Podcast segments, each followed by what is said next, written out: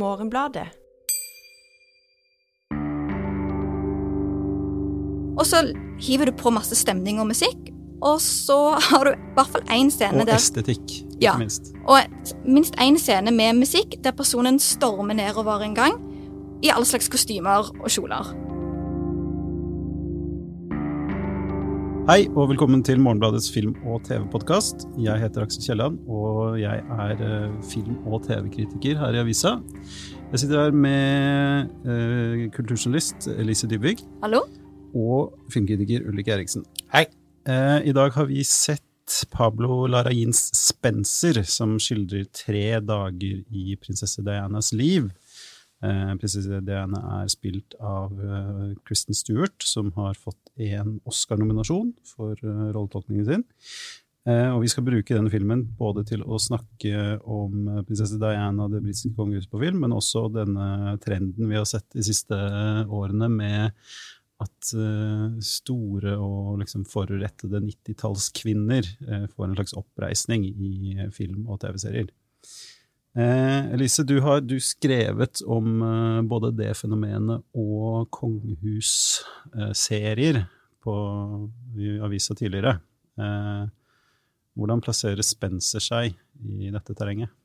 Denne filmen kommer jo ikke så veldig lenge etter at eh, Netflix-serien The Crown eh, hadde sin fjerde sesong ute og introduserte sin versjon av Diana. Og den tror jeg er ganske eh, fersk i folks minne, og så kommer det nå en, da en ny Diana. Og jeg vil si at som film så er Spencer veldig vellykka, eh, hvis en bare tar liksom det rent hva det byr på. Jeg syns at skuespillet er vart og interessant, og du har et kameraarbeid som gjør ganske spennende ting, syns jeg, med liksom symmetrien disse herskapshusene er, er tufta på, som den da kontrasterer med hvordan hovedpersonen Diana går nå i en slags oppløsning. Eh, men på et slags ideologisk grunnlag så er jeg veldig skeptisk til denne filmen. På, av samme grunner som jeg er skeptisk til, til The Crown, da. Men, men hvis en tar akkurat denne filmen, så vil jeg jo si at um, det er noe interessant at helt i begynnelsen så får vi vite at dette er en fabel om en sann tragedie. Det kommer liksom opp på skjermen som tekst. Men jeg føler at jeg sitter igjen med at denne filmen er et slags lærestykke. Um, et liksom skrekk- og gru-eksempel på de forferdelige personlige konsekvensene ved å nekte overklassekvinner høyere utdannelse. Som jeg vil si var Diana sitt, eh, sin skjebne, dessverre. Um, filmen er uh, altså den, den er jo ikke en biografisk film i tradisjonell forstand. Den skildrer ikke hele Dianas liv. Den tar for seg tre dager av julefeiringen på, på godset som heter Sandringham House i Norfolk, der uh, britiske kongefamilien har feira jul siden tror jeg 30-tallet. Eh, og eh, skildrer da Diana eh, som eh, gjør sitt beste for å holde ut. Eh, filmen selges inn som da dramatiseringen av hvordan hun eh, bestemmer seg for å, å skille seg fra Charles, eller fremprovosere bruddet med Charles. Det er jo da ganske sånn fri diktning her, men som du sier, det er jo ja, og så er det jo skal det sies, det er et fabelelement her òg. Det er litt glidende overganger mellom indre og ytre virkelighet. Hun, hun hjemsøkes av Anne Boleyn, blant annet. Denne Vet ikke, Var hun dronning, eller var hun bare gift Eh, med jo, Du var vel dronning med andre konen til Henrik den 8. Ja, henrettet i 1536-34, Mm. rundt der. Um, men hun hjemsøkes av henne da som en sånn uh, eksempel på uh, hvor uh, skjebnesvangert det kan være å, å gifte seg inn i eh, denne familien. Yes. Ehm, det er ikke første gang eh, Pablo Larraín har laget denne typen drama. Ulrik. Nei, altså det er jo på mange måter Spencer kan ses på på mange måter som en eh, litt sånn fortsettelse av det prosjektet Pablo Rain eh, drev med i forrige film, eh, Jackie, eh, hvor han eh, beskriver eh, Jackie Kennedys eh, dager rett etter at uh, John F. Kennedy eh, er drept, da. Og, og, og hvordan hun på en måte bearbeider og jobber med, med det sjokket. Eh, og det prosjektet med å på en måte beskrive et liv eller et, en skjebne eller um, en tilværelse biografisk gjennom å bare ta no, noen dager og, og, bruke filmen og, og filmmediets liksom, muligheter til å beskrive indre liv og indre kamp og, og, og, og, ta seg noen sånne uh, ganske sånn dristige valg i uh, For det er ikke, dette er ikke klassisk biografisk filmfortelling. Nei, den gjør noe veldig valg i hva, både hva den viser, men også kanskje mer i hva den ikke har med. Ja, ikke sant? Den, den tar vekk veldig mange sånne de mest sånn klassiske tingene. Dialog, veld, lite dialog.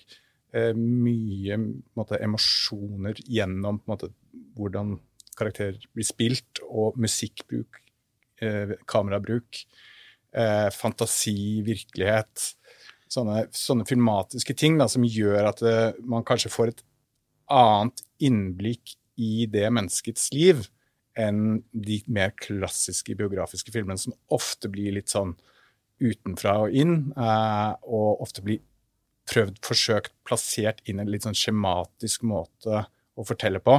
Ja. Eh, hvor, en, hvor, et liv på en måte skal ha en sånn treaktstruktur og Ja, for jeg skulle bare si noe på det. at Mitt inntrykk er at de siste årene så har han gått mer og mer bort fra en sånn biopic biografifilm der det er liksom vugget til grav. Um, nå føler jeg at det er nesten en trend at du velger liksom det mest Et eller annet sånn eh, øyeblikk, da. Så du kan liksom putte alt av drama inn i det øyeblikket. Og så er det jo klart at uh, du kan få det mer tradisjonelt og mindre tradisjonelt, men at uh, det er ganske lenge siden en holdt på med liksom denne veldig Hollywood-filmen med her er barndommen, og så ja, ser vi litt si, oppveksten. Men, men, men, det kan jeg også si at det er en uh, Altså, det fins jo nok av de filmene, og, og, og både Jackie Kennedy og, og Diana er jo personer som folk Altså det er veldig mye tilgjengelig informasjon om de, og veldig mange tilgjengelige uh, uh, fortellinger. Sånn at da er det Altså, du kunne Det ville vært vanskeligere å lage dette om en, uh, en film som dette om, om, en mindre kjent person, da. Mm. Ja, det er et triks som kun kan brukes mm. på, på, mennesker du på en måte vet ganske mye om fra før av. Ja. enten du vil eller ikke, på en måte. for du trenger ikke være veldig interessert i det ene uh, uten at du likevel også kan en god del om hennes liv uh, og hennes skjebne. Da. Så det er på en måte noen sånne forutsetninger som, uh, som er på plass, uh, bør kanskje være på plass for at det skal funke. Jeg skulle bare spørre, Hvor godt husker dere Jackie? For den kom vel ut i sånn 2016? Noe sånt? Ja, noe sånt. Jeg husker først og fremst det som en sånn stemningsstykke. Jeg husker at jeg grudde mm. meg til å se den, og så husker jeg at jeg var veldig imponert. Altså, det er, men, men jeg tror jeg husker, like mange andre, så husker jeg at det er ganske lite handling.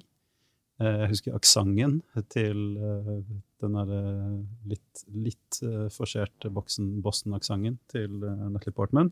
Og så husker jeg det lydsporet til hun Michael Levi. For det er noe med disse to Diana-filmen Diana og Jackie-filmen som jeg syns overlapper litt på en måte som, som nesten skurrer litt. Eller med liksom at, at For eksempel at du, du tar et kvinnelig ikon fra forrige århundre. Eh, du tar et ikon som har gifta seg inn i en slags mektig klan, enten, eh, eller sekt, enten Kennedy-familien mm. eller kongehuset. Og så får du liksom da igjen denne litt sånn intense, introverte skildringen av de på sitt mest kritiske og kanskje sårbare. Og så hiver du på masse stemning og musikk, og så har du i hvert fall én scene og der Og estetikk, ikke ja, minst. Og minst én scene med musikk der personen stormer nedover en gang i alle slags kostymer og kjoler. Det syns jeg jeg husker fra Jackie òg, og det er det òg i denne Diana-filmen. Så jeg lurer liksom litt på hvor hva, hva, er, hva er drivet, hva er interessen for at vi går For lidende stilikoner uh, ja. i nærbildesjangeren. Eller er det noe her som jeg har oversett? Nei, er, jeg vet ikke, vet, ikke noe, vet ikke, om det er noe Jeg vet ikke hvem andre Hvem har, hun, hvem har han hoppet over, da? Hvis du skal ta disse store lidende. Jeg tror Grace Kelly står vel òg igjen på listen. Ja, det kan du si. Så vi får bare glede oss. Ja. Um, ja jeg nevnte at uh, Stuart har blitt Oscar-nominert for uh, tolkningen sin. Uh, hvordan spiller hun Diana, og, og, hvordan skiller denne seg, eller Stemmer den overens med vanlige skildringer av Diana på film? Jeg tenker at eh, det, den har en introduksjon som er ganske spesiell, eh, og som på en måte setter litt tonen for eh, hvordan Stuart velger å fremstille Diana. Um, og, der, og den viser hvordan hun, hun er i ferd med å mm, kjøre seg vill da, um, uh, i sin Porsche Cabriolet. Kjører rundt på den engelske landsbygda, og så kommer hun inn en, på en kafé hvor det sitter liksom hvermannsen og så eh, Og da har hun sånn, en sånn kokett eh, stil og en kokett væremåte som på en måte eh, filmen på en måte antyder ikke er den er på en måte tilgjort, men den er så integrert i hennes måte å være på at, det, at det er nærmest sånn hun måte bare er. Refleks. Ja, det er en refleks. Og, og, hun måte antar at alle i det rommet måtte, responderer på den, det koketteriet på et eller annet vis. Eh, så, så og da er det gjerne å senke haken og se litt sånn opp via lyggen, eller liksom bli ja, det er mye sånn, si, mye visking, dramatisk hvisking og mm. kneis med hodet. og det er, ja. ja. Jeg, jeg, ble overraska i starten. Jeg, jeg syns Kristen Stewart er en veldig dyktig skuespiller. Jeg synes hun alltid, altså hun alltid severdig i stort sett alt hun gjør.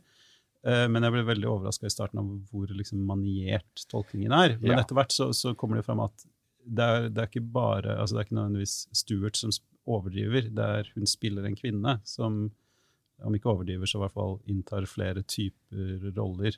Ja, og det, og det eh, For hun har forskjellige roller i denne filmen som hun går ut og inn av, eh, avhengig av hvem hun på en måte, i hvilket rom hun er i. på en måte. Mm. Altså er hun eh, når hun er sammen med barna sine, så har hun selvfølgelig en, en, stil. Og når hun er i sammen med resten av kongefamilien, så uh, forsøker hun på beste vis å måte, ta seg sammen. Og så har hun uh, uh, denne upstairs, downstairs-dragningen mot å måte gå ned i kjelleren til tjenestefolket. Fordi de kan hun på en måte snakke Der kan hun på en måte få lov til å være seg selv, men jeg tror det også handler om at der får hun også lov til å bli liksom, forgudet på et eller annet vis. Da, det antyder jo filmen.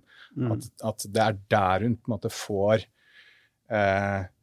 kjærligheten Eh, som, som, hun kanskje trenger da, i livet. Eh, ja, for det, det, skal sies at filmen er um, Den er liksom all, Nesten alle scenene er før eller etter noe, eller mens noe annet skjer et annet sted. Sånn at selve kongefamilien Charles har vel et par scener hvor han har noe, en del replikker, mens, og dronningene har vel et par replikker her og der, men, men vi ser i liten grad disse. altså Det er Diana som sniker seg rundt på Slottet, lar være å møte opp på middag, som, som liksom er alene, alene opp om natta og sånn. Det er veldig mye sånn filmen er satt sammen. Filmen liksom av, skjærer jo av fra på en måte de andre karakterene ja. I, i, det, i det britiske kongehuset. Mm. Ja, og hun unngår dem også, ja. altså aktivt uh, unngår dem. Uh, og så blir hun prøvd hele tiden hentet inn da, ikke sant? det bankes på døren hele tiden. Ja, og, og Slottet får jo en sånn spøkelseshus-vib, uh, uh, da. Uh, og, og, da skal jeg si, altså, Kongehuset har da henta inn en sånn major eller et eller annet, spilt av Timothy Spall, som er liksom henta inn for å være sånn overhovmester og få orden på det ene. Og så har hun da vennene sine, som er kjøkkensjefen, eh, spilt av Sean Harris, og en av eh, hva heter det, påklederskene, eh, spilt av Sally Hawkins. Um, men etter hvert så får jo da, etter hvert som vi ser Anne Boleyn uh, gå rundt uh, i drømmene hennes, uh, etter at en bok om henne blir utplassert ved sengen hennes for liksom å skape denne assosiasjonen, så får jo filmen mer et sånt gotisk eller fabelpreg, da. Og det fungerte ikke helt for meg, men det kan, det kan være at det fungerer for meg ut ifra hvordan en ser på det. Men det, det slår meg noe med at Anne Boleyn hun ble vel kasta ut fordi hun ikke klarte å produsere en mannlig arving, først og fremst. Filmen lager jo et veldig stort poeng av at uh, Anne Boleyn òg opplevde det Diana opplevde, at uh, mannen egentlig hadde lyst på en annen kvinne. Så lurer jeg litt på er det en styrke eller svakhet, eller forteller det igjen at vi er så tett oppi Diana sitt hode? Det kjøper jeg. At hun ser konspirasjoner og eh, tolker alt ut ifra sin egen situasjon og kontekst hele tiden. Sånn at For det er ganske mange ting som jeg føler rent sånn historisk eh, kan smuldre litt når man begynner å se på det. Og så syns jeg det er interessant sorry, at når filmen lager et stort poeng av at hun, hun ser sånn tilbake til barndomshjemmet, som ligger jo rett på nabogården så har jeg skjønt det sånn at hun hadde det like kjipt der som hun hadde det i kongefamilien. Og, og i liksom barndomshjemmet så pleide hun å gå til tjenerne og sitte og snakke med dem, for det var bare mye hyggeligere enn den kjipe og kalde faren. Ja, altså jeg, jeg tolka den uh, Jeg skjønner litt hva du mener. Den er ikke veldig elegant, den Anne Boleyn-gjenferden, men, men jeg, jeg tolka det først og fremst som en sånn nærmest som en sånn familiesykdom da, du gifter deg inn i. At det er liksom sånn dette er det dette, denne familien, dette liksom institusjonen gjør. Uh, med folk ja, som ikke tilpasser Ja, og så er det jo en måte å uh, sant, beskrive hennes uh, selvbilde som kongelig òg. Altså, hun sier jo vel et, et, eller annet tidspunkt også at jeg tror hun er i slekt med Spencer, altså at Spencerne er i slekt med Bolin-slekten. Mm. så hun på en måte relaterer seg jo helt personlig til til det, og dermed også relaterer seg på en måte til sin rolle som, uh, ja, som en del av det kongelige universet. Da. Så på en måte, det er jo en måte for henne å uh, ja, behandle sin egen posisjon uh, i, i, inn mot det kongelige, og på en måte legitimere sin posisjon også, tenker jeg. Um, så jeg, jeg, jeg, ser det mer som hennes personlige behov for å på en måte prøve å ja, diskutere sin egen posisjon i, i det hele. For Mer enn som en sånn historisk forsøk på å på en måte lage en, en, parallell. da. For hun sier jo også det, hun er jo opptatt av liksom ettermælet sitt. Hun sier det på et tidspunkt 'hvordan vil jeg bli husket'? Og så sier hun der, jeg husker ikke den nøyaktige replikken, men jo lengre tid som går, dess kortere blir beskrivelsen uh, av noen. Uh, var det en sånn om erobreren? Ja. For ja, eller Elisabeth kort, Virgin Queen. Ja, altså ja. det kortes ned til en uh, epitet. da. Um, og det vil jeg si at denne filmen får pluss for fra min side, at den gjør Diana mye vanskeligere enn hun framstår f.eks. i mm. Crown. Men der er det jo en yngre Diana som er, der hun bare nesten er bare søt. Um, men der tror jeg òg at, at, denne filmen får til å skildre at Diana sitt utenforskap handler ikke om klasse, men om det emosjonelle og det personlige. Og det å ikke ha null kjemi med disse folkene, selv om du kommer fra omtrent samme klassebakgrunn. Ja, og, og, på en måte det, det, det, store dramaet i filmen er jo det, i hvert fall som hun opplever det, og Vida opplever det via henne, er jo det at hun ser i økende grad kongefamilien og, og monarkiet som liksom en maskin som, som, vrenger menneskeligheten ut av mennesker og reduserer de til rene funksjoner da, i, i, i, i institusjonen. Og, og, det sier jo mer eller mindre Charles rett ut. Ja, han sier jo liksom at man må være to. Eh, to personer. Man, må være to personer, eh, hvor den ene er deres måte, og den andre er din egen. Og så eh, er jo på en måte filmens tanke da at det Ja, du må gjerne tro at det er mulig, på en måte, ja. men Ja, eller du må gjerne finne deg i det. Ja, du må gjerne finne deg i det. Mm. Ja. Um, vi snakket om uh, dette med, med oppreisning for 90-tallskvinnene. Det har du skrevet om, uh, Elise. Ja. Da, da, da, da, drar vi 90-tallet et stykke litt inn på 2000-tallet, så uh. For nå er det jo Du har jo skrevet om den Pam og Tommy. Tommy ja. ja. Serien ser på Disney, og så har det jo vært ulike Diana fortellinger i det siste. Fiksjonaliserte, både serier og, og filmer og dokumentarer. Og det kommer jo en uh, mye omdiskutert dokumentar om Britney Spears for et år siden ca. Og jeg lurer på om det er noe med at de siste årene så har en sett et uh, stort og absolutt velbegrunnet behov for å ta da et oppgjør med måten uh, den sexistiske måten kvinner har blitt framstilt og behandla av, av, mediene på. Og så er det noe med at med disse 90-tallskvinnene så får du noe av elementene Eller elementene er de samme som de var den gang. Det er liksom det er sex, det er kjendiseri, det er rampelys. Men så tar du da prosjektet, og så får du det dreie seg om mennesket bak skandalene, den personlige tragedien. Og så topper du det med litt hardtslående mediekritikk. Um, og nostalgi. Ja. Og så kan en se på det med god samvittighet. Og ofte så tror jeg at den gode samvittigheten får når en ser f.eks. En, en kritisk dokumentar om måten Britney Spears ble behandla av um, paparazzi-universet på, så, så veier det også kanskje opp for den litt, sånn, litt dårlige samvittigheten en kjenner på fordi at en ikke brydde seg så mye om disse kvinnene når det faktisk sto på, da. Ja, eller du aksepterte at, uh, at dette var kostnadene ved å være det er sånn jeg oppfatter ofte at, uh, at det som har endra seg, er at man har uh, slutta å akseptere uh, at uh, be, det, behandlingen sånn som Pamela Anderson og, og Diana ble utsatt for, var Det hørte med til rollen, da. Sant. Og så er det noe med at det ikke er tilfeldig, tenker jeg heller, at de kvinnene som nå blir gjenstand for denne type serier og filmer, er nettopp de kvinnene som i sin egen levetid kunne bli oppfattet som rene produkter av patriarkalsk kultur.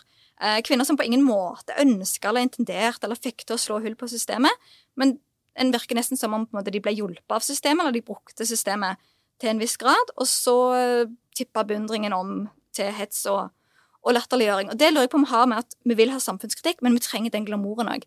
Så da er det mye lettere å gå for disse som allerede levde glamorøse og um, flotte liv. Ja, og så er det jo Jeg, det, jeg er enig, det er et godt poeng, men jeg tror også at det handler litt om at uh, disse kjendisene jeg har jo den funksjonen at de på en måte er som, noe som man eh, beundrer litt på samme måte som man beundrer den kuleste i klassen. på en måte.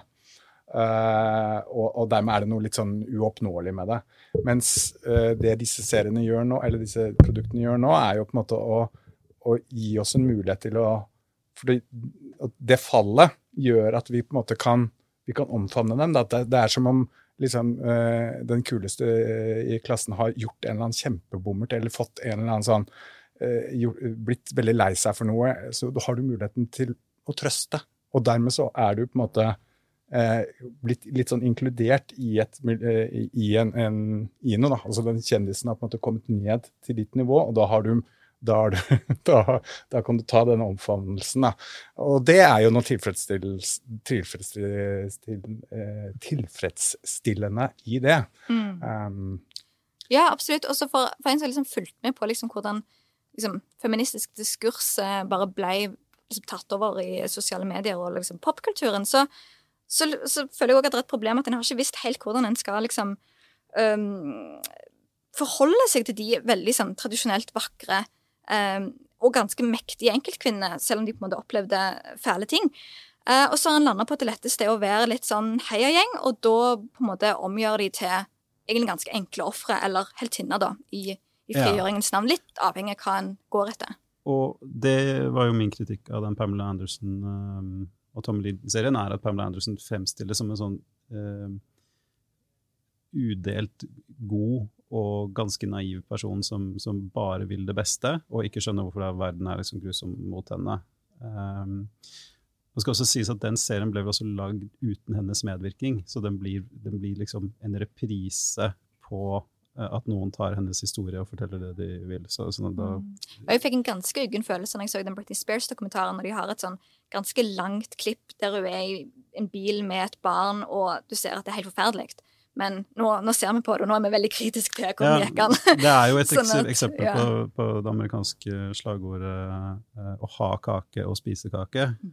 Uh, du skal nyttiggjøre de samme, altså du skal ha den samme appellen som du hadde på 90-tallet, men nå skal du gjøre det med en slags sånn moralsk suverenitet. Uh, hva er det da Diana blir reddet fra, sånn ettermælemessig? Hva, hva, er det man prøver å nyansere ved Diana? Hun er jo en ganske sånn eh, helgenkåret skikkelse blitt. Så hva er det Spencer gjør nå eh, som nytt, og hva er det Crown gir oss av nye perspektiver på henne? Nei, eh, jeg må jo si at jeg sitter igjen når jeg så filmen og etterpå og tenker hva i all verden skal vi med denne filmen? Her har vi jo sett dette tusen ganger før, har vi ikke det? Nei, jeg, jeg syns den måtte beskriver eh, en ny opplevelse av, av paranoia, da, ved å være en, eh, av en del av, eh, av kongefamilien.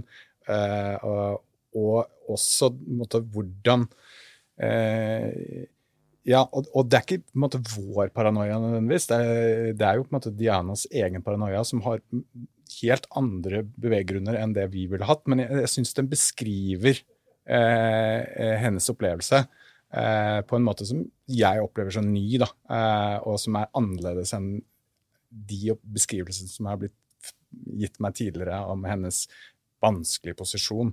Fordi ja, Den er mer menneskelig og mer eksistensiell, og, litt, og mer måte, mangefasettert, da, tenker jeg. Ja, det jeg syns også at hun fremstår som en mye mer uh, interessant og, og, og handlende figur da, enn den der klassiske, tragiske martyren hun ofte huskes som.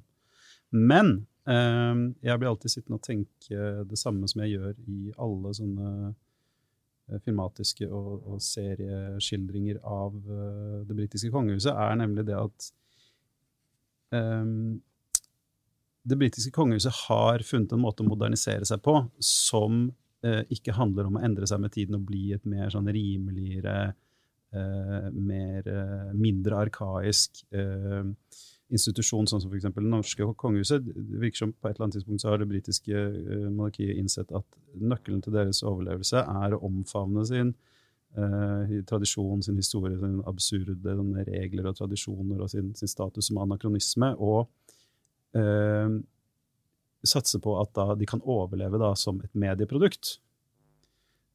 og nøkkel, nei, spørsmålet blir da i, i, i um, serier og filmer som dette som prøver Her er det jo åpenbart at kongehuset er skurkene. Men uh, som jeg har skrevet før, så bidrar jo denne, denne liksom bølgen vi har nå med serier om kongehuset og filmer om kongehuset, til å gjøre spørsmålet til for eller imot prins Charles snarere enn for eller mot monarkiet. Så er det mulig å skildre det britiske kongehuset på film uten å bidra til å bygge opp dette bildet og medieproduktet. Jeg skulle gjerne sett en pro Charles-film. Eh. Det hadde vært veldig flott. Eh, men nei, mitt problem med The Crown for eksempel, hele tiden jeg har tenkt at eh, en må holde seg til faktaene. Den på en måte offisielle historien for å bli tatt seriøst. Og dermed begrenser det veldig hva en kan si, og hvordan. Og ifølge den offisielle historien her er jo at Charles ikke var den greieste å være sammen med, når han heller ville vært sammen med noen andre. Ja, uh, men jeg tenker at du har et godt poeng, Aksel, i forhold til er, er det en utrolig smart strategi av det engelske kongehuset. fordi at det, eh, det, gjør på en måte at de er helt uangripelige. og uh, I og med at de på en måte bare er det de er. Og så kan man på en måte hate dem for det. Uh, men det vi ofte blir sittende og gjøre, er jo egentlig bare å lete etter de små tingene som gjør at Jo, men det er ikke så ille, på en måte. Altså, Man leter etter bare den lille menneskeligheten da, eh, som, som, på en måte gjør at du Å ja, men de er jo mennesker. Eh, ja, Sånn som nå eh, sist, da, da, det ble kjent at uh, dronning Elisabeth hadde uh, hun hadde blitt sint på prins Andrew etter den uh, voldtektsanklagene som, ja. ble, som ble inngått forlik om denne uka. Ja, ikke sant? Så man, man, legger på en måte listen helt der nede. Ok, de er egentlig helt de er monstre, de er kaldblodige, de, er, måte, de forholder seg til et, et 2000, nei, 1000 år gammelt måte, system. Eh, men innimellom så ser vi jo tegn til menneskelighet. Altså, det er jo den scenen i The Crown hvor, som er litt sånn cheesy, hvor eh, dronningen sitter og prater med han som har brutt seg inn, ikke sant? og da er hun plutselig blitt ja. en sånn sosialdemokrat ikke sant? som virkelig kan snakke med gulvet. Og det er litt snev av det her også, fordi at eh, Charles får jo sine lille glimt av menneskelighet i denne filmen. Og til, selv om dronningen knapt har en eneste, dialog, eneste dialog, så er den lille dialogen mellom Diana og dronningen Ja, det var, der var hun jo ganske hyggelig. Eller var i hvert fall ikke veldig slem. Så er hun veldig glad i hundene dine. Ja. Uh, det er vel det nærmeste vi kan komme med å gi dette, denne institusjonen et kompliment, så vi kan sette punktum for uka der. Eh, vi skal over til anbefalinger. Eh, Ulrik, kan begynne. Ja, jeg vil gjerne anbefale eh, den filmen jeg skriver om denne uken, 'Benedetta' av Paul Verhoven, eh, som er eh, en eh, biografisk film om tittelpersonen Benedetta, en nonne på 1600-tallet i Italia som eh, har mystiske erfaringer med Jesus og et uh, lesbisk forhold til en, mednonne. Den er beskrevet selvfølgelig litt sånn cheesy, siden det er for Hoven, men med humor og presisjon, syns jeg, i beskrivelsen av liksom, en, en, menneskeskjebne på 1600-tallet. Mm. Og også en interessant søsterfilm til hans forrige film, L. Ja. Lise? Ja, nei, jeg har dessverre ikke sett noe som jeg tenker det er verdt å anbefale denne uken, så jeg eh, står over. Da skal jeg avslutte med å nevne eh, en film som gjør mye av det samme som Spencer og Jackie, nemlig Alexander Aleksandr Sokrovs eh, Solntse, eller The Sun, som den heter på engelsk. Det er en del av en trilogi med filmer han lagde om eh, henholdsvis Hitler, Lenin og keiser Hirohito av Japan. Og da, The Sun er da denne siste om Hirohito, hvor uh, Hirohito sitter i bunkersen sin og driver med marinbiologi, mens det japanske imperiet kollapser rundt han. En veldig sånn interessant og stemningsfull nærstudie. Um, Den eh, oppdaga jeg var vanskelig å få tak i, men kan ses i miserabel kvalitet på noe som heter sovjetmoviesonline.com, eller man kan prøve å få tak i en DVD. Um, det var det vi hadde for i dag. Uh, hvis du går inn på Morgenbladets nettsider, så kan du lese min anmeldelse av filmen. Du kan lese Elises uh, artikler, tekster, om det vi har snakket om. Og du kan lese Ulriks Bendetta-anmeldelse, Og du kan tegne abonnement på digital og fysisk avis. Takk for oss, og takk for i dag.